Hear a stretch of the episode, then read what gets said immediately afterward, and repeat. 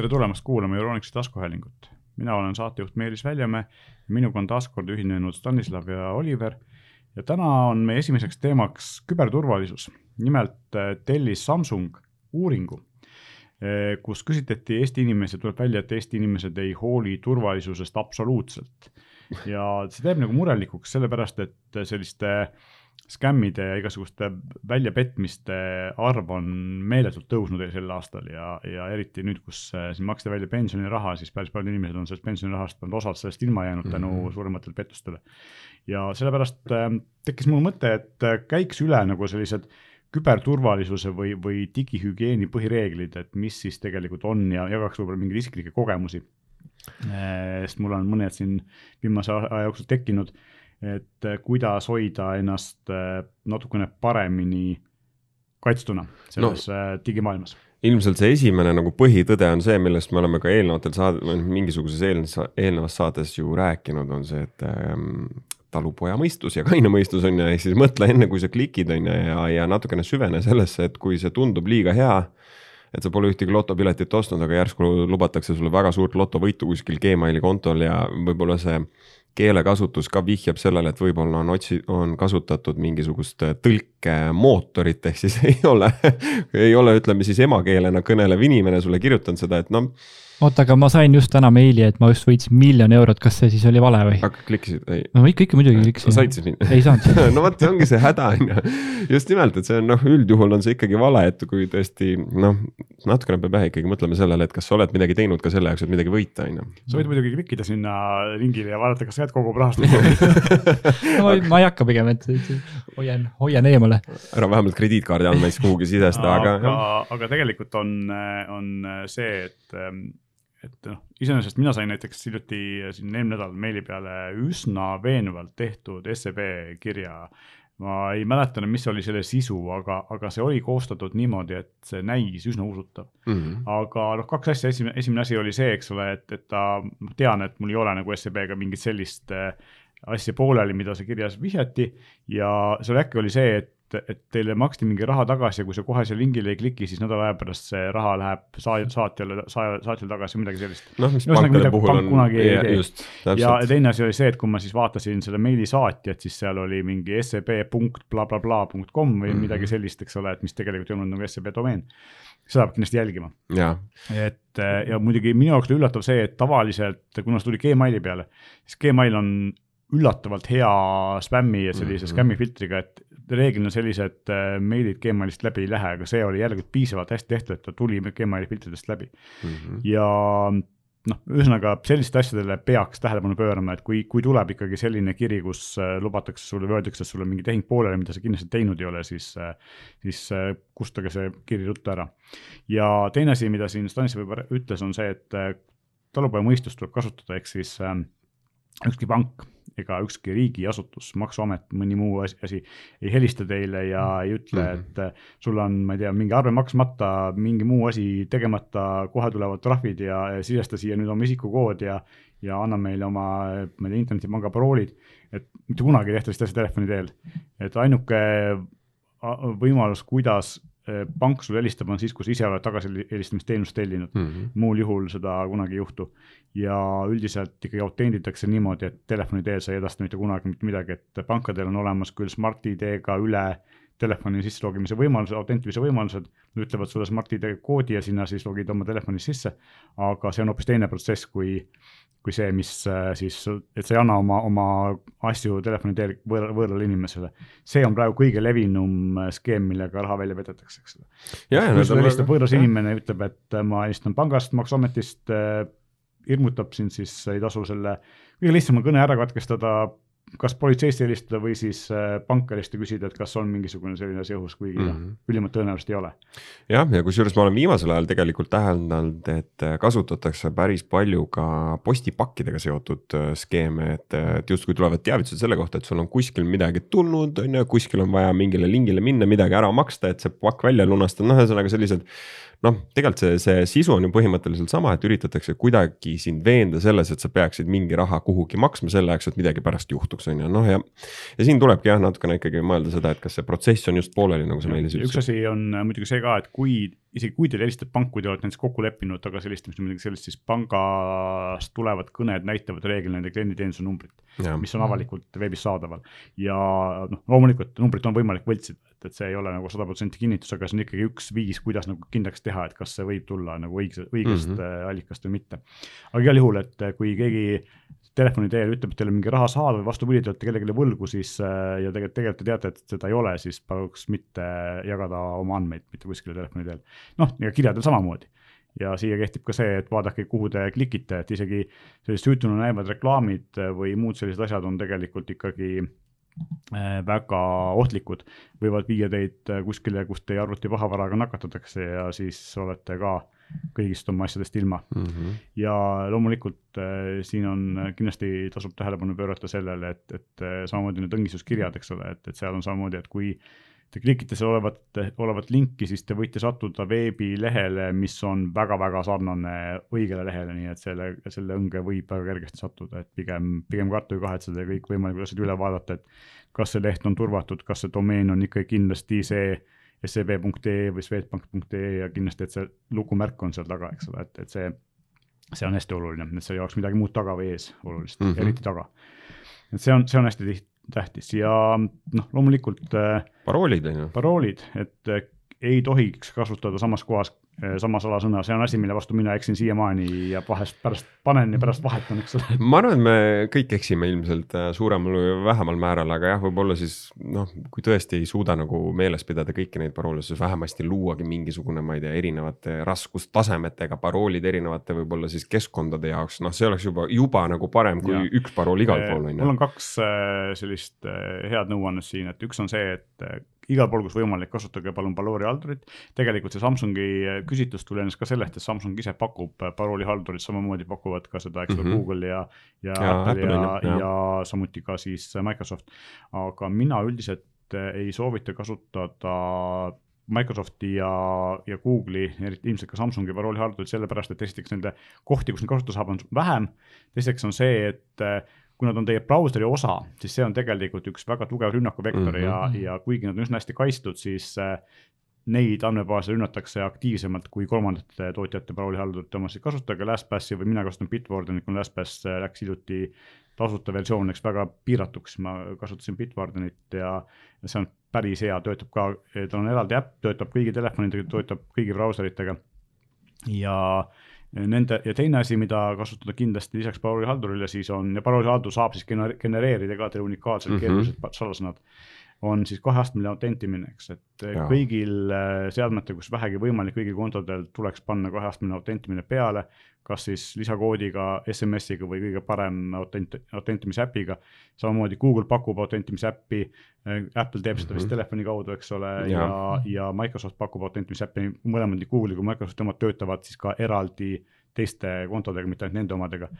Mina kasutan sellist universaalset äh, äppi, mille nimi on Auti, äh, kes, mis on toodetud äh, siis ostis ära mõni aasta tagasi selline firma nagu Twilio, kes on natukene otsapidi kodumaine, sest Twilio on nagu Eestis kontor veel Tallinna mm. tänaval mm.. nii et alati, kui ma seda logo näes, mõtlen, ah ma kasutan teenust tuleb äratundmise rõõm ja Oti eelis on sees see, et teda saab kasutada korraga mitmel seadmel, võib-olla see teeb ta natukene vähem turvaliseks, aga samas ta teeb selle kõvasti mugavamaks mm, -hmm. et kui juba kaheastmelist autentimist kasutada, siis ta võiks olla saadaval, ta on saadaval arvutile, ta on saadaval telefonidele, tahvlitele, ta ei pea olema ühes seadmes, eks ole mm. -hmm.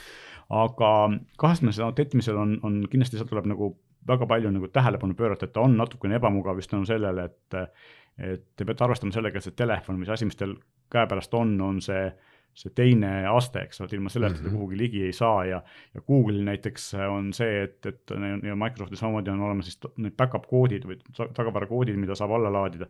et need tuleks hoida kuskil turvalises kohas, kindlasti mitte kergesti ligipääsetavas kohas, aga kohas, kust neile ligi saate. et minul oli hiljuti selline huvitav juhtum, et ma jätsin telefoni taksosse ja see juba algab hästi kõik mu kaheastmelise autentimise asjad olid seal sees. nii, mida esimese asjana, mida sa teed, kui sa ei, kuidas sa telefoni kätte saad? Google'il on olemas suurepärane teenus Find My Phone, leia mu mm -hmm. telefon, kus ma saan näidata, vaadata, kus mu telefon asub, helistada teile, jätta siis inimesele, kes ei leidnud, on sõnum, et palun helista mulle tagasi või mis iganes.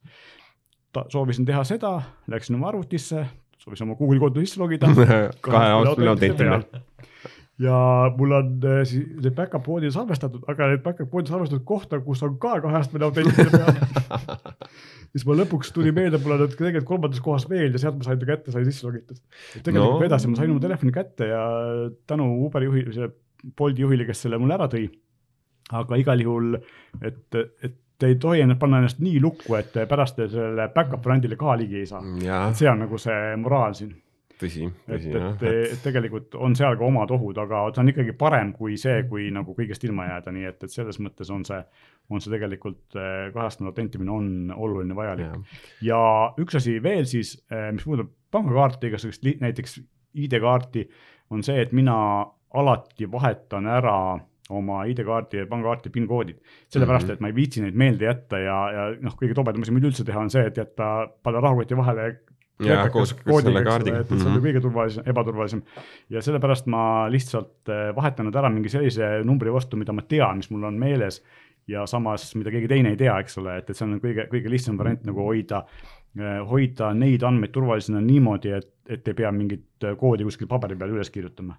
Ja, ja tänapäeval muidugi see, et vanasti anti ju, pank andis ju teile PIN koodi paberi peal kaasa, et tänapäeval nad enam seda ei tee, mm -hmm. näitavad seda internetipangas, eks ole, et, et ka see on tegelikult turvalisuse poolest nagu kasulikum. ja üks asi, mis on tegelikult veel minu arust väga hea selline mm, nõuanne, on see, et äh, kui teil on vaja parooli, mis on, mida on vaja pidevalt meeles pidada kas olgu see kasvõi sellesama kaheastmelise autentikaatori sisselogimise parool, siis või, või siis paroolihalduri parool, siis tegelikult äh, väga hästi töötab mõni fraas, võtke mõni mm -hmm. fraas oma lemmikraamatust.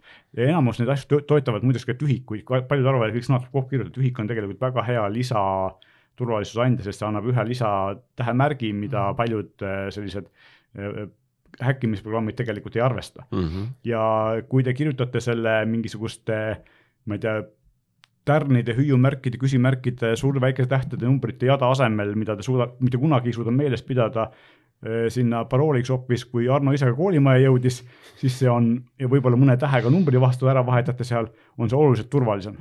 Eh, esiteks on hästi pikk, tõesti väga hästi meelde, et eh, see on väga hea nõuanne, mida tasuks silmas pidada, sest et sellist kuueteistkohalist tähtede numbrite jada te ei suuda kindlasti meelde jätta. jah, ja see tekitab ilmselt natuke nagu rohkem veel võib-olla peavalu lõppude lõpuks on ju kogu see asi. aga mis on tegelikult põnev veel, kui selle uuringu juurde nüüd korra tagasi tulla on see, et ei varundata andmeid mitte mingil moel. ja eks äh, ma arvan, et ma noh, mõneti nagu mõistan võib-olla ka inimesi, et äh, et, et, et eks see natukene võib-olla, kui sa ei ole kohe selle maailmaga nagu tuttav, kui sa pole endale selgeks teinud mingi põhitõdesid, siis see tundubki nagu nii keeruline, nii nagu kuidagi sihuke, et ah, mis seal ikka juhtub, on ju. et ähm, noh, samas vähemalt on, on tore, on see, et vähemalt keegi või noh, kolmandik siis inimestest kasutab füüsilisi andmekandjaid, on ju, noh, ilmselt siin on peetud siis silmas mingisuguseid väliseid kõvaketteid ja muid siukseid asju. mälupulkasid, mis on noh, olgu öeldud, ei ole ka nüüd um, kõige nagu võib-olla siis turvalisem viis just puhtalt sellise võib-olla tehnilise poole pealt, et nad kipuvad ka mingitel hetkedel nii-öelda ära surema. Ja pilveteenust kasutatakse päris palju, no jällegi ilmselt selle tõttu, et et see pilveteenus on saanud ikkagi võrdlemisi nagu sihukeseks kättesaadavaks on ju, et mhm. nelikümmend protsenti inimestest kasutab siis seda on ju. just noh, tegelikult on see, et pilveteenuse negatiivseks pooleks on see, et ta on alati tasuline, positiivseks pooleks on see, et ta on ähm, kall-, noh, mitte kallis, vaid ta on eemal sinust, eks ole, ta ei ole, kui kodus midagi juhtub, siis äh, jääb ta alles. aga kallis on ta küll, aga samas äh, mõnes mõttes on ta paratamatu, et kui juba, sest noh, enamasti inimestel saab põhiline, põhiline asi, miks pilveteenuseid kasutatakse, on tegelikult kaks asja, esiteks on see, et piltide, videote hoidmine mm -hmm. arvutis ei mahu ära lihtsalt, eks ole. ja, ja igasuguste seadme back-up'id, mida siiski õnneks Apple ja Google üritavad kas viuga sulle peale suruda, siis nende, nende tegemist, siis see võtab ka ruumi ja sellepärast enamus inimesi siiski tänapäeval või väga paljud juba maksavad kas siis äh, iCloudi lisaruumi eest. mis on üliodav, äh, Oliver, sa kindlasti kasutad iCloudi. mul on täis praegu see kahjuks nii et uut ei ole. ma ei ole juurde, juurde ostnud jah. ma ise kasutan Dropboxi väga, päris palju, et äh, aga noh, tegelikult ongi, kui sa mõtled selle peale, et äh, et sul on äh, need füüsilised andmekandjad, eks ole, et ja näiteks ma tahan praegu teile ühte mingit vana videot näidata. ma peaks otsima üles selle kõva, kõva äh, ketta siis kuskilt äh,, ma täpselt ju ei tea, milline ta on mm, -hmm. eks mhm. ole. ja seda kõike kaasas kandma, et see on jube tüütu ja ebamugav, et ma arvan, et see pilveteenus selles mõttes on ülimalt hea ja, ja mõnus kasutada. just ja mina kasutan hästi palju, loomulikult kasutan äh, Google Fotos, äh, kuna see on Androidi mm. telefonil nagu vaikimisi olemas, seal on ka viisteist giga on tasuta ja ülejäänud tasuline, tasulist versiooni ei kasuta.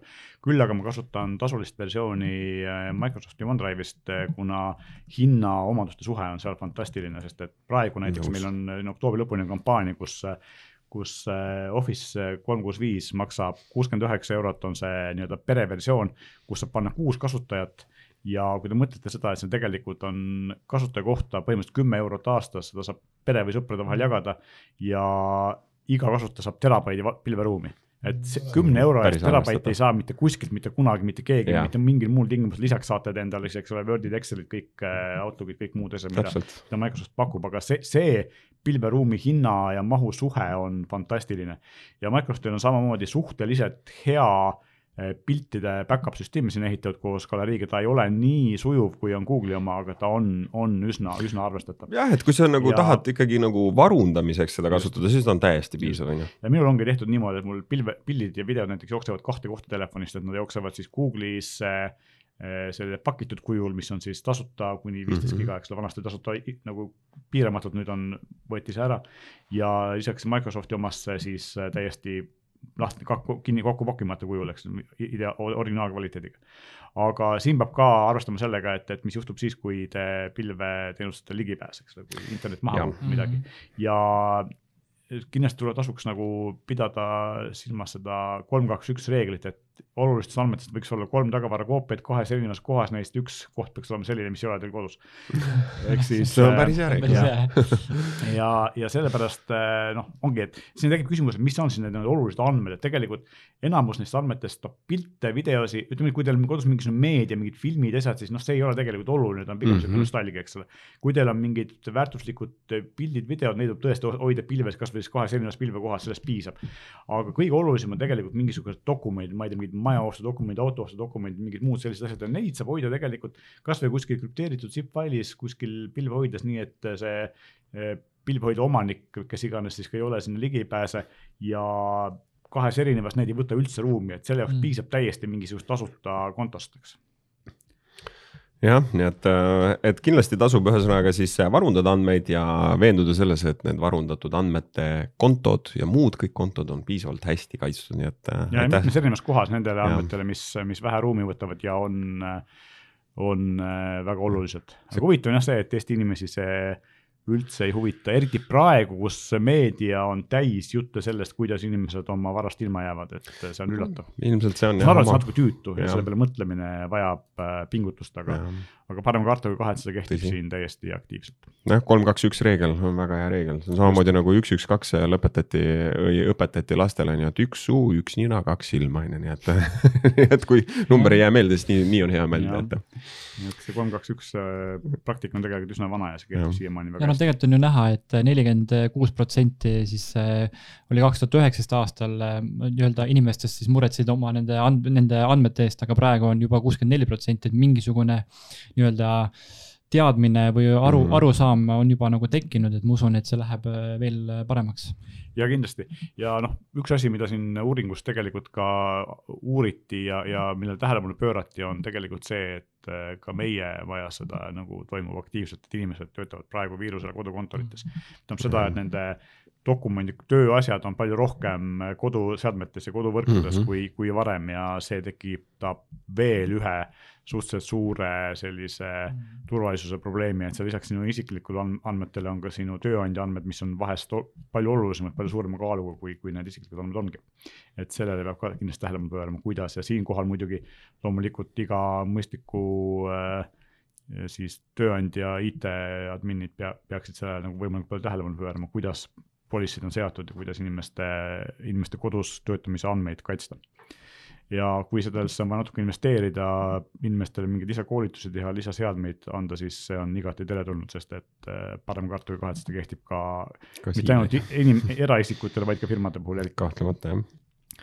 aga meie lähme siit ilmselt edasi teise Eesti sündmuseni, nimelt eh, Enefit Greeni börsile tulek, mis tekitas eh, enneolematu börsiralli ja võttis maha LHV, Seebi ja ka Nasdaqi veebilehed, et sina, Stanislav, oled sellega rohkem kokku puutunud. ja tõepoolest, et eks ta oli noh, ma ei tea, kas nüüd läbi aastate, aga viimase kindlasti üks oodatumaid äh, turule tulekuid, et sellest on siin pikalt räägitud ja, ja oodatud ja, ja noh, erinevad siin kodumaised investorid on ka sellel teemal sõna võtnud, et sellest saab kahtlemata rahvaaktsia ja eks ta tegelikult saigi, sellepärast et kui vaadata võib-olla veel, veel enne seda, kui kõik äh, serverid maha kukkusid, ütleme ajale, et siis äh, tegelikult äh, märgiti ju aktsia neljakordselt üle, mis ei ole nüüd selles mõttes ülemärkimise mõistes nagu rekord, et siin on veel teisigi märgitud ikkagi kord, kordades rohkem üle. küll aga lihtsalt see huvi ja võib-olla see skaala, mis ja see mastaap, mis, mis võeti ette selle jaoks, et selle avaliku pakkumise nii-öelda siis teadlikkust inimestest tõsta, oli ikkagi muljetavaldav, et ma nägin nii autoreklaame kui ka äkki isegi teles vist midagi jooksis. et ja, ja lihtsalt noh, võib-olla mingiks ajaperioodiks ja ka tegelikult endiselt vist siiani, et, et äh, sai põhiliseks jututeemaks mitte nagu täna enam ilm või mingid muud toimetused, vaid seda, et kas sa Enefit Greeni märkisid, on ju. ja see oligi tegelikult nii, et ma sain noh, oma tutvusringkonnas küsisid minult ütleme siis äh, sedasama küsimust inimesed, kellest ma poleks kunagi uskunud, et, äh, et nad jõuavad nagu aktsia märkimiseni, et ma isegi lausa õpetasin paari inimest, kuidas märkida LHV pangas aktsiaid. Põnev, igal juhul põnev. huvitav jah, et, et selline asi on nagu selliseks äh, massidesse läinud ja see meenutab kunagist Bitcoini, kuidas iga taksost pidi Bitcoini no oleks võinud osta rohkem, on ju, nagu praktika praegu näitab, on ju. Aga jaa, tõepoolest, et esimesel kauplemispäeval ta tegi ikkagi võimsaid rekordeid ja, ja peab tunnistama, et, et isegi ei pääsenud ligi äh, pankadesse, sellepärast et kõik võrgud olid ülekoormatud ja need tehingute mahud, ühesõnaga see see tegelikult seal tekkisid veel ka viitajad sellega seoses, et, et see, mis nähti nii-öelda aktsiaraamatus, hind ei vastanud tegelikult sellele, mis hinnaga tehingud toimusid, oli noh, paksu pahand-, no kas just paksu pahandust, aga igal juhul nagu pahameelt oli sellel teemal. aga noh, jällegi ma arvan, et. ma saan aru, et käivad mingid jutud, et pankadelt küsitakse selle kohta, selle eest kompensatsiooni, et nad ei suutnud õige hinnaga, eks ole, märkida või äh, tead jaa, ma ei, ma ei mäleta nüüd kelle, kellega ah,, see oli vist LHV äkki aktsiate pakkumine oli ka kuidagi, noh, seal oli tegelikult õigus siis mm, osta siis aktsiaid põhimõtteliselt, kaubeldi siis õigusega osta aktsiaid, mitte siis konkreetsete aktsiatega. Ja seal tekkis nagu siis väärarusaam paljudel inimestel ja, ja, ja kas äkki Swedbank vist isegi kompenseeris oma klientidele need vahed. Ja ilmselt võib-olla sealt tekkis mingi väike pretsedent, mis noh, nüüdseks on on jõudnud sinnani, et, et võib-olla üritatakse ka siin kohapeal äh, küsida seda. noh, nii ja naa, on ju, et um, minu jaoks oli ikkagi kogu selle, noh, esimene asi on see, et huvitav äh, loomulikult on see, et kuidas selline ralli nagu toimus või kuidas inimesed äh, kõik tormasid aktsiat ostma, mis on nagu Eesti, Eesti mõistes pretsedenditu, aga teine asi on ikkagi see, et arvestades, et see noh, kuuskümmend tuhat, seitsekümmend tuhat väärtpaberikontot on Eestis, et, et see ei ole nagu nii tohutu kogus. kuigi praktiliselt kõik nendest inimestest selles börsirallis osalesid, siis äh, tegelikult ikkagi see, et selline kogus suutis äh, mitme suure pangasüsteemi rivist välja lüüa, on ka ootamatu, et, et ma kipuks arvama, et võiks, pangad võiksid nagu olla paremini valmistunud selleks, et ülekoormus, ma saan aru, et tegelikult see kuskil on see piir, et mm -hmm. kui palju sa pead nagu oma lisataristut, taristusse investeerima selleks, et kui see äh, piik ületab seda sada korda, eks ole, tavalise, siis tegelikult sa ei saa olla saja, sajakordseks kogu aeg valmis, sest et see läheb lihtsalt niivõrd kalliks. aga siiski, et, et see, et see valmisolek ei olnud nagu piisavalt hea, on, on nagu üllatav, kuigi noh, ma mõtlen, see ei ole nagu tegelikult midagi uut, sest äh, siin ennegi on olnud kohti, kus ja. Äh, ka, ka siin Terviseameti lehed ei ole vastu pidanud, kui oli vaja mm -hmm. vaktsiini mm -hmm. registreerida ja nii edasi, nii et.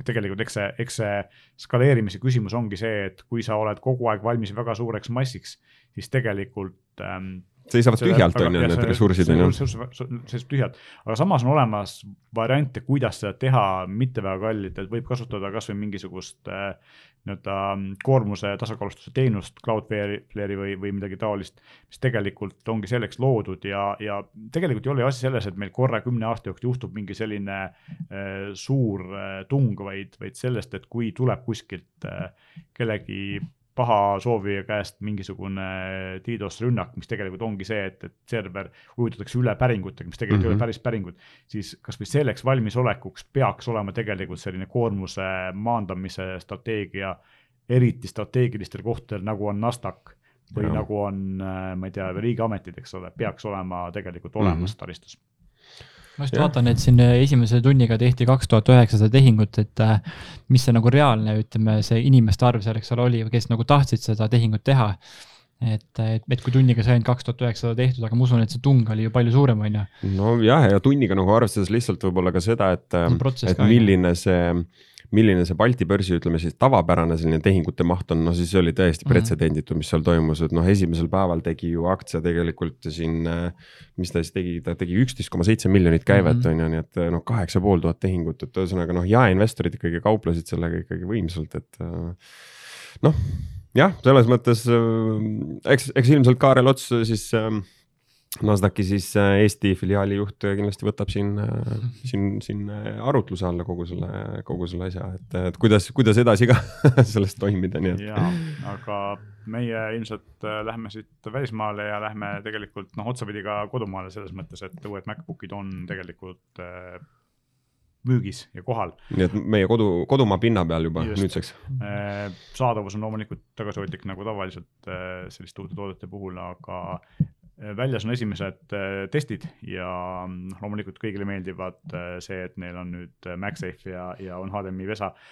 ja loomulikult kõigile meeldivad fantastiliselt head ekraanid, aga kõige ikkagi selline üllatavam või tegelikult võib-olla mitte niivõrd üllatavam, kuna me oskasime seda võib-olla aimata, aga nüüd on see kinnitust saanud, kuivõrd võimas on protsessor, et siin üks selline väga populaarse Maci tarkvara tootja tegi testi, kus äh, siis äh, võrdles oma äh, Mac Proga, Affinity Photo siis on, ähm, on see programm, mille, mille arendajad testisid ja, ja neil on, proovisid siis kõige kangemat kuueteist tollist Premiere Proga ja enne neil oli siis Inteli protsessor ja Nvidia RTX kolm tuhat kaheksakümmend ja põhimõtteliselt võiks öelda, et see ähm, Maci protsessor ja lisaks siis äh, mingitel arvutitel on neil, Macidel on neil siis äh, Radeon V690 X, mis on kõige kangem, mis üldse Macides kunagi olnud on. ja uus MacBook Pro põhimõtteliselt on oma integreeritud graafikaga võimsam kui see AMD eraldiseisev graafikakaart ja samamoodi on mingites hetkedes äh, võimsam kui RTX kolmkümmend kaheksakümmend, kuigi siin peab arvestama seda, et sõltub sellest, kui palju sellesse RTX kolmekümne kaheksakümnesse või voolu sisse pumbatakse, et kui seal on väga palju võimsust saab, siis ta saab ka väga palju kõvemini tööd teha, aga sellises sülearvutis ei ole nagu küsimustki, et ei ole olemas ühtegi Windowsiga sülearvutit, mis suudaks samasugust graafikajõudlust pakkuda. ja siin peab nagu veel kord nagu üle toonitama selle, et tegemist on põhimõtteliselt integreeritud graafikalahendusega, mitte eraldiseisva graafikakiibiga. et no, on, siit jah. Äh, saab, äh, ma ei, ma ei kujuta ette, mida kuhu edasi? AMD tegema hakkavad jah nüüd, et, et see on. ehk et kuidas ja kuhu edasi, ja ei nõus jah, siin on ikka. et äh, ma ei tea, mida see näitab, et see näitab, kas näitab seda, et, et Apple lihtsalt on äh, fantastiliselt äh, andekad insenerid, kes iganes nad äh, siis kuskilt äh, teistest firmadest üle on tulnud sealt PSM-ist ja, ja siis äh, mis iganes see graafika lahenduste tootja, mobiil, mobiilsete graafikalahenduste tootja oli, mille, mille Apple ära ostis, aga aga igal juhul tulemused on fantastilised, et noh, see, see paneb kõik konkurendid, just nagu riistvara konkurendid mm -hmm. ikka väga aktiivselt mõtlema, et mis edasi, kuidas edasi, kas üldse mõtet edasi. korralikult ikka higistama, selles suhtes pole siin midagi, jah. et ja noh, loomulikult, et see näitab ka seda, et siiski nüüd on nagu see hetk käes, kus kus äh, MacBook Pro on taas äh, selline masin, mis on nagu tõsiseltvõetav tööloom, et, et üks ähm, tuntud Youtuber, Marques Brownlee äh, teeb siiamaani oma videoid niimoodi, et tema salvestab ja, ja töötleb kaheksa K-s, eks ole, asju ja, ja tema põhimõtteliselt temale vanad Macid on, MacBookid on, olid piisavalt lahjad, et ta ei suutnud sellega tööd teha piisavalt kiiresti ja tema kandis kaasas igal pool, kuhu ta reisis iMaci, pani selle Pelicani mm. kasti ja vedas ta lennuki peale mm,. ja, ja nüüd ta siis ütles, et tema loodab, et, et see on nüüd see masin, et ma saan uuesti laptop'i peale tagasi minna. no mulle tundub ka, et ta, et see uus asi ikkagi kaheksaga teeb nagu hästi, et et ma usun, et ta saab nüüd lõpuks lihtsamini äh, reisida. mõnes mõttes muidugi jabur see, et sa lauaarvuti pakid iga kord kaasa endale, aga, aga samas nagu huvitav fakt, eks. aga jah, et äh, kõik, kes äh, uut MacBooki tahavad osta, siis võivad olla kindlad selles, et tegemist on äh, fantastilise töövahendiga. vahe on ka natukene selles, et Adobe asjades, Premiere'is ja, ja Photoshopis, Illustratoris ja nii edasi ei ole see vahe Inteli asjadega nii suur, aga Mac, Apple'i enda asjades, Final Cutis ja, ja sellistes asjades on vahe mäekõrgune. nii et siin on jällegi see, et kui hästi on Apple'i enda tarkvara optimeeritud, eks ole. Ja meie läheme siit äh, ühe uue väga ägeda ja väga kalli seadme juurde, nimelt Sony tegi uue telefoni ja, ja see ei olekski iseenesest nagu uudis, aga tegemist on ühe noh, ma ei saa öelda, et esimene, sest tegelikult Panasonic ja Sharp on varem ka midagi taolist teinud, aga esimese tõsiseltvõetava kaameratelefoniga, millel on äh, ühetolline sensor ja väga korralik optika seal ees. tegemist on põhimõtteliselt kaameraga, millel on telefon külge ühendatud Nad äh, kasutavad, seal on mõningaid agasid, aga nad kasutavad äh, siis äh, Sony RX saja seitsme, versioon seitsmes pärit sensorit. aga on seal see, et see kaamerasensor on kahekümne megapiksline ja telefonis kasutatakse sellest keskmist osa kaksteist megapikslit lihtsalt sellepärast, et see telefon on, ta läheks liiga paksuks, et seda, seda tervet ala nagu ära katta mm -hmm. optikaga aga eh, mis teeb selle telefoni eriliseks, on noh, loomulikult, kui me räägime nagu telefoni osast, siis kõik kellad-viljad on olemas. 4K eh, ekraan, eh, suure resolutsiooni 4K sada kakskümmend hertsi ekraan ja suudab see, see optika muideks ja protsessor suudab salvestada ka 4K sada kakskümmend hertsi videot. sealjuures mm -hmm. erinevate HDR-i profiilidega HLG-s või Dolby's ka vist, kui mu mälu mind ei peta, HLG-s kindlasti.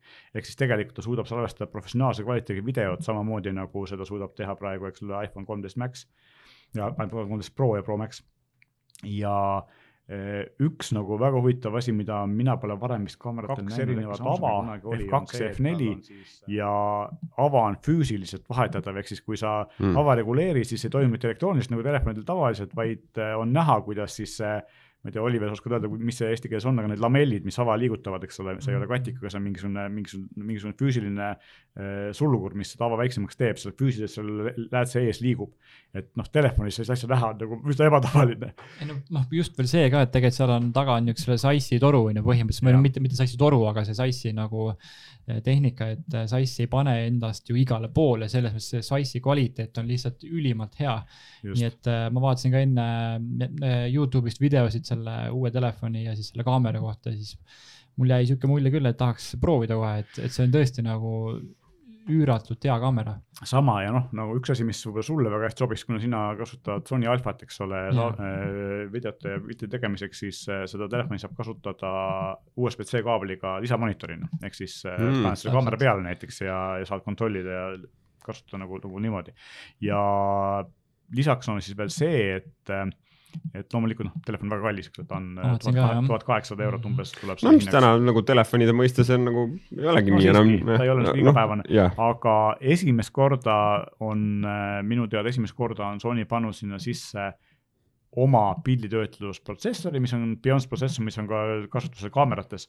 ehk siis, kui äh, varem ikkagi kõik Sony kaamerad, kuigi neil olid ka mingid äh, lihtsamad küll, aga Zeitsi läätsed ja, ja, ja nii edasi, kasutasid sedasama Qualcomm'i sisse ehitatud kaamera töötlustarkvara, mis mul kogu aeg on tundunud imelik, sest et Sony on nagu niivõrd palju ees oma kaameratehnoloogias, et mm. miks nad ei võiks seda asja telefonit kasutada, telefonikaamerad on Sonyl siiski olnud konkurentidest kehvemad siiamaani mm.. ja nüüd on nad lõpuks selle ära teinud, et nad kasutavad oma video ja pilditöötluskiipi, mis peaks tähendama väga häid tulemusi noh, loomulikult seal on ka tegelikult nendes videotes on näha, et, et nad on ähm, siis teinud lisaks tavalisele kaamera äpile on neil Pro kaamera ja Pro, Pro foto ja Pro video äpid, mis äh, võimaldavad teha ja kõik, kogu menüü on täpselt sama, mis on Sony päris kaameratel mm. -hmm. fookusring on virtuaalne olemas täiesti, kus saab väga lihtsalt ja kiiresti manuaalselt fokusseerida. silma, silmajälgi fokusseerimine, mis töötab väga hästi, minu teada telefonidel see siiamaani pole väga hästi töötanud. kõik need asjad, mis on Sony kaameratest olemas, on just sinna telefoni toodud ja, ja see paneb küll äh, nagu mind arvama seda, et Sony lõpuks on leidnud selle oma niši, okei okay,, ma olen nõus, et telefon on liiga kallis, et see oleks nagu noh, no ongi loodud tegelikult profifotograafidel mm -hmm. lisaseadmeks, eks ole. aga et ta ei ole selline tavakasutaja kaamera. aga kui nad suudaksid selle tehnoloogia võib-olla natukene lahema läätsega, aga selle pildiõdusprotsessoriga, võib-olla ei ole vaja ka sellist 4K ekraani tingimata, aga kui nad suudaks selle tuua sinna tuhande euro kanti, siis mm ma arvan, et see ostas, oleks ostas koht, oleks koht, kus Sony suudaks tegelikult kaevata endale välja väga korraliku niši eh, tõsiseltvõetava telefoni kaamera tootjana või tõsiseltvõetava mm -hmm. kaamera telefoni tootjana, et äh, siiamaani nad on seda üritanud, kui keegi seda peaks suutma teha, siis see peaks olema Sony, et ja. praegu on ikkagi see, et meil on mm, -hmm. meil on Apple, meil on Google, meil on Samsung, kolm firmat, kes suudavad normaalset äh, kaamera, normaalse kaameraga telefoni toota, aga see üks firma, kes on maailma parim kaameratootja, võiks ka mhm. lõpuks ometi teha siis sellega telefoni, nagu ta praegu mm -hmm. selle kalli pudeliga on näidanud, et ta tegelikult oskab oskavad, noh ja ajalooliselt on nad tegelikult ju seda väga hästi teinud, lihtsalt vahepeal on natukene kehvemini läinud seal mingitel perioodidel. noh, tegelikult ikkagi telefonid on kogu aeg olnud kaamerate poole pealt nõrgemad kui konkurentidel ja müstiliselt kallid samal ajal, et. no eks see põhifookus ongi läinud kaameratele, eks ole. just, et kui ta oleks, kui see, kui see äh, see, see hind oleks õigustatud siis, kui see kaamera oleks tõesti parem konkurentidele, kui ta on nagu kolmandiku võrra kallim ja samas kehvema kaameraga, siis nagu ei tahaks seda mm. Sony toodet osta, eks ole, siin on see, et on küll mitte kolmandiku võrra kallim, vaid on kaks korda kallim, aga samas ta on ka hoopis teise mm -hmm. klassi kaameraga. loomulikult see ei ole äh, telefon, mida iga inimene ostab, vaid see on väga spetsiifilised, väga konkreetsetele inimestele mõeldud. aga kui me nüüd vaatame, sina, Oliver, kindlasti tead, äh, Red tegi kunagi telefoni väga, väga haipisid ja selline väga, väga tugev profikaamerate tootja ja lõpuks tuli välja, et telefoni kõrval mitte kuskil, eks ole. siis ähm, noh, on näha seda, et, et Sony äh, on teinud seda asja ilma haipimata hoopis paremini kui Red alguses lubas, eks ole, okei okay,, seal ei ole mingeid lisamooduleid, mida Red pak-, üritas pakkuda ja mida tegelikult kunagi ei pakkunud, aga aga kaamera ise või see telefon ise on nagu, kui, kui see on üks valmis reaalne objekt, on ikkagi hoopis teise kvaliteediga, hoopis teine asi kui see Reedi õnnetus, nii et, et selles mõttes Reedi õnnetus. ja Red maksis minu teada rohkem, kui Sony maksab, selles mõttes. no Red on jah, päris kallis on ju üld, üld, üldiselt ka. ja samas nagu sa enne ütlesid, et see on nii-öelda kaamera, kuhu on siis pannud ka nagu telefoni funktsioon külge on ju justkui. et siis tegelikult ju, aga mis sul ongi vaja, on ju, sa, kui sa saad kõnesid teha, sa saad sõnumit saata mm -hmm, ja sul on ülihea kaamera, siis tegelikult sul on kõik olemas. see on tegelikult nagu selline tavaline hea tippklassi telefon mm, -hmm. 5G mm -hmm. see on kakskümmend ekraan, aga lihtsalt, et äh, sinna otsa külge on poogitud nagu hoopis teise klassi kaamera, just. et äh, näeme, kas, kas Sony suudab selle, selle algatusega kunagi siis nagu nii-öelda odavamasse klassi natukene väiksemate või vähendat-, vähendatud äh, asjadega siis tuua ka sellisesse tasemele, kus, kus ka tavainimene seda osta jaksab. et väga huvitav, põnev ikkagi, mul on nagu kohe hea meel, et Sony midagi sellist on suutnud toota, sest et ma vahepeal olin natuke pettunud selles, millised nende, nende telefonid olid, arvestades, kui head kaamerad neil on, aga lootus on siin tagasi. ja võib-olla räägime siis natukene ka sellest, et äh, Intel äh, toob välja oma uued protsessorid, esialgu küll siis hästi kallid lauaarvuti äh, omad ja natukene odavamad ja lihtsamad lauaarvutimudelid ja sülearvutimudelid veidi hiljem. tegemist on siis esimest korda Inteli mitte päris seitsme nanomeetri, aga sarnase tehnoloogia peal tehtud äh, protsessoritega, mis tegelikult on ähm, uuenduseks selles mõttes, et Intel on üritanud seda oma tehnoloogiat saada nagu väiksemaks juba mitu aastat, nad ei ole sellega hakkama saanud, samal kui AMD on neist nagu pika puuga mööda läinud.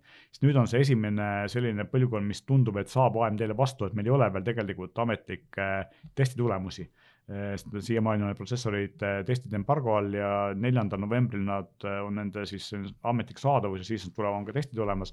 aga praegu tundub juba, et inimesed on positiivselt üllatunud ja tundub, et Intel on nagu enam-vähem tagasi täiesti uus asi on siin see, et äh, kasutatakse siis, äh, siis big little või, või sellist tüüpi sarnast, sarnast skeemi, nagu on telefoniprotsessoritel, kus on siis väiksed tuumad ja selliste vähem äh, elektrit voolu nõudvat ja vähem ressurssi nõudvat asjade jaoks ja siis on suured tuumad, mis, mis hakkavad tööle siis, kui on vaja rohkem jõudlust. mis peaks võtma voolutarvet vähemaks, peaks võtma sülearvutite puhul akukestvust vähemaks, eks ole, või, või rohkemaks, rohkemaks jah, just. et akult, akult vähem nõudma ja lisaks on siis poole suurem cache, mis peaks efektiivsust suurendamas praegu ku, äh, Apple'i, Apple'i, Apple'i protsessor on hoopis teine teema. AMD, AMD üks, äh, üks eeliseid ongi see, et nende cache on kõvasti suurem, eks ole mm, -hmm. ja, ja mhm. tuumasid on palju ja see on nagu, nagu see, mis, mis nende, nende seda protsessorit efektiivsemaks teeb.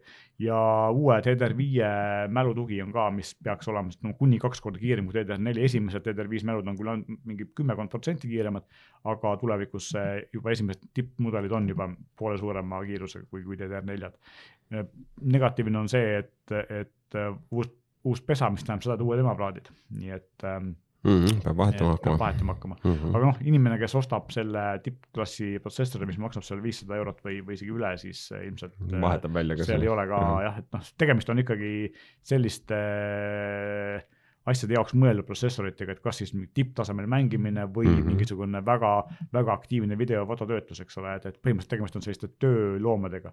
ja ilmselt äh, sellist lihtsamate asjade jaoks mõeldud protsessorid tulevad uuel aastal, et äh, samas, samast sarjast. aga noh, on näha, et Intel äkki on tagasi, eks näeme, mis siis tegelikult toimub, aga põnev, sest et vahepeal oli Intel väga pikalt ees ja AMD oli väga nukras seisus, siis AMD tegi uued protsessorid, Intel ei suutnud hakkama saada millegagi, toimus nagu vahetus. aga tegelikult on hea, kui meil on olemas ikkagi konkurents ja, ja üks firma ei saa nagu liiga suurt edu, sest et, et siis see mõjutab kehvasti hindu ja, ja nii edasi, et mhm. konkurents on alati tugev. ja üks asi, mida ma tegelikult tahaks veel nagu mainida, küsida teie arvamust, mis ei ole nagu otseselt meie selline ala, aga, aga huvitav siiski on see, et äh, Tesla on äh, esimese autotootjana saanud äh, Euroopa kõige müüdumaks autoks, mitte Euroopa kõige müüdumaks elektriautoks, vaid üldse kõige müüdumaks autoks siis nüüd siin viimases kvartalis. Et see on huvitav, sest et Tesla Model kolm ei ole mitte soodne auto mm. -hmm. ja järgmine mudel -hmm. tegelikult ongi, see number kaks on, on Renault Clio ja number kolm on Dacia Sandero, mis mõlemad on alla kahekümne tuhande autod. noh, siuksed hot hatch'id on ju või noh, Sandero küll ei ole, on ju. Golf ei ole iseenesest, noh, korralik Golf on seal a la kakskümmend viis tuhat, eks ole mm., korralik Renault Clio on seal seitseteist, kaheksateist mm, -hmm. Sandero on ka seal viisteist, kuusteist, eks ole, mis on tegelikult turu kõige odavam selline väike auto.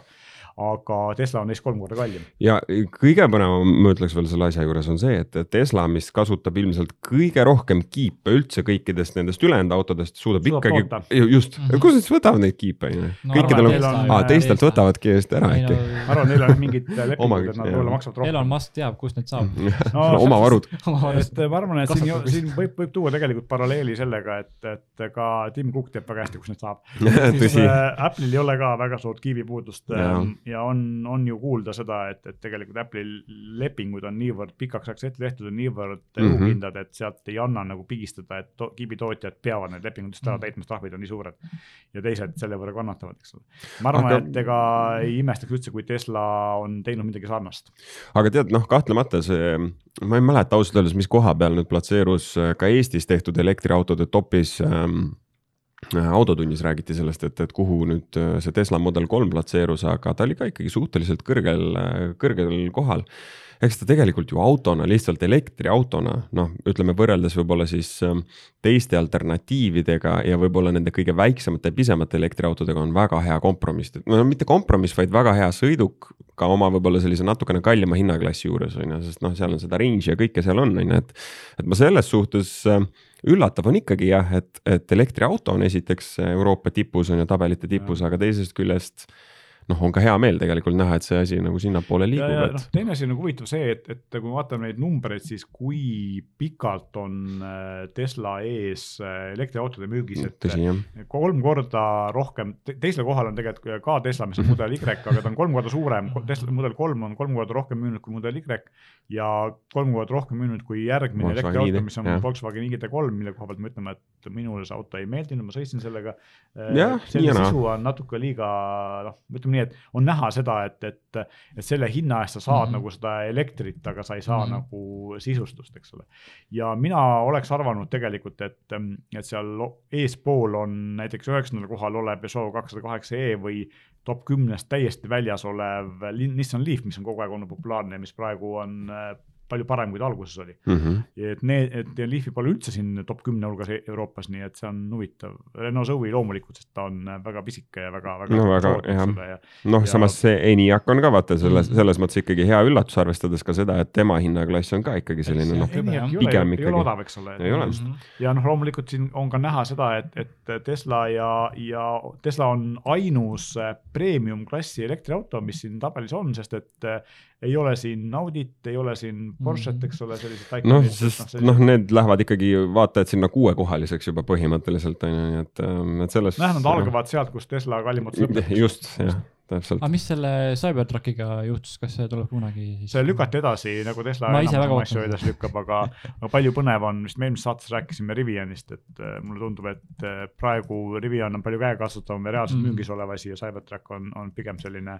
no see näeb ikka väga ulme välja no, see Cybertruck, et. seal oli ju probleeme sellega, et see demomudel, mida nad näitasid, ei vastanud mitte ühelegi Euroopa nõudele, nii et nad peavad kõvasti ümber tegema et noh, meil ei olnud vist küljepeegleid ja mingid muud sellised huvitavad unustati ära ehk siis äh, ühesõnaga, et, et Euroopas müümiseks peab selle disaini omajagu ümber tegema.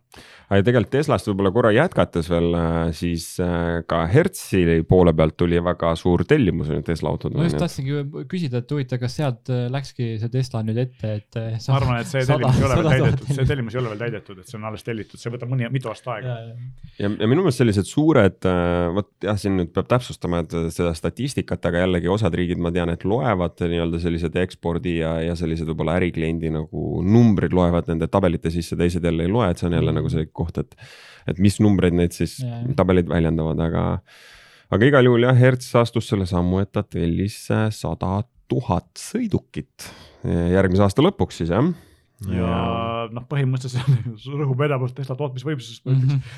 aga iseenesest on see, et, et huvitav see, et Hertz läheb oma kogu oma siis äh, autovalikuga elektriliseks ja ja ma ei kujuta ette, noh, nad pakuvad ju tegelikult autosid ka kohtades, kus ei ole väga laadimistaristut, et kuidas nad seal no, et... hakkavad ise ka laadijaid ehitama. ju vast nad kuidagi jah, mõtlevad selle välja, aga tegelikult. investeerivad veidi mingitesse siin nendesse suurematesse noh, USA-s on see Electrify Ameerika ja Euroopas ja. on mingid suured laadmisvõrgustikud no, olemas.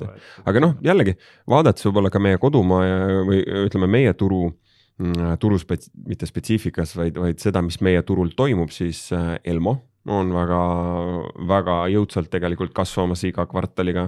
meil on tegelikult äh, ka päris palju elektriautosid tekkinud ka Bolti autoparki, meil on äh, tegelikult. jah, et mina sellesama Volkswagen ID3-ga sõitsingi. just Bolti autoga on ju, jah ja pluss on meil tegelikult ju Beast äh, autorent, mis puhtalt siis rendibki Teslasid välja, mis on, noh, proovi sa saada mõnele ligi no sa, sa ei saa, need on kogu aeg rendis, kogu aeg on väljas. jah, aga noh, natukene on ikkagi nutune see, et, et see laadimistaristu, ma tean, et siin Circle K-s ja mõnes teistes on, on koostöö siin mõnede laadimisfirmadega ja need laadijad on tekkinud, aga neid võiks nagu rohkem olla ja, ja no, neid võimsamaid, suuremaid võiks, võiks nagu rohkem olla. kahtlemata jah, aga no ütleme, põhiteed sa saad ikkagi ära sõidetud. nokk-kinni, saba lahti ja. asi ja, ja noh, näha on seda, et, et see elektriauto hinna klass on alla tulnud, aga ma ütleks, et üks selline vahetustsükkel ehk enam-vähem viis aastat läheb sinna veel aega, kus ta muutub konkurentsivõimeliseks hinna poolest äh, siis äh, tavalise bensiinimootoriga. tõsi, seal, seal on omad nüansid. aga noh, huvitav on jah see, et, et see näitab tegelikult ikkagi pöördelist trendi, et elektriauto on esimest korda Euroopas kõige müüdum auto ja mitte odav elektriauto, vaid selline premium klassi mm. elektriauto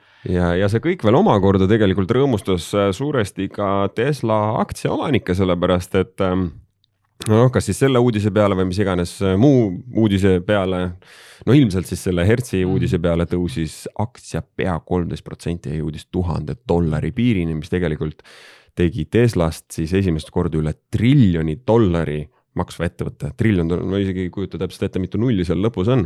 aga võib öelda seda, et äh, ta on kuues ettevõte maailmas, äh, mille väärtus ületab maagilise triljoni Apple dollari taseme äh,. Microsoft see on, mul, mul on. Exxon Mobil vist jaa no,, nii just äh, nii Microsoft ütlesid, Apple'i ütlesid, Amazon, äh, Google emafirma Alphabet ja tegelikult Saudi Araabia naftatootja ah, okay, Aramco. jah, siis ma ajasin naftafirma segamini, see ei olnud Exxon, vaid oli Aramco, ühesõnaga jah, et kui siin mõni, mõned, ütleme kümmekond aastat tagasi olid tollal küll triljoni või dollari firmast ei olnud, aga aga väärtuse poolest kõige suuremad firmad olidki igasugused nafta ja õlitootjad, siis praeguseks on tehnoloogiafirmad kohad üle võtnud. nii et vot ja, ja võib-olla sellise veel viimase põneva faktina, et siis viimase kolme aastaga on tegelikult äh, Tesla aktsia enam kui tuhat kuussada viiskümmend protsenti kallinenud, nii et kui. oleks seda teadnud, oleks osta. no vot jah tõsi, Amazonist me ei hakka üldse rääkima, need numbrid on kosmilised, mis on viimase kümne aasta jooksul seal toimunud. ja, noh, Tesla ilmselt on ette näha tõusu Amazonis, sõltuvalt sellest, mida nad teevad, aga, aga jah, et neil on omajagu probleeme ka veel, sellest nad väga populaarsed. aga selle tõdemusega tõmbame seekordse saate kokku ja nagu ikka meenutan teile, et kui te soovite anda meile nõuandeid, millest saates rääkida või teil on meile küsimusi, siis palun kirjutage meile. meie aadress on saade at euroniks.ee. meie täname kuulamast.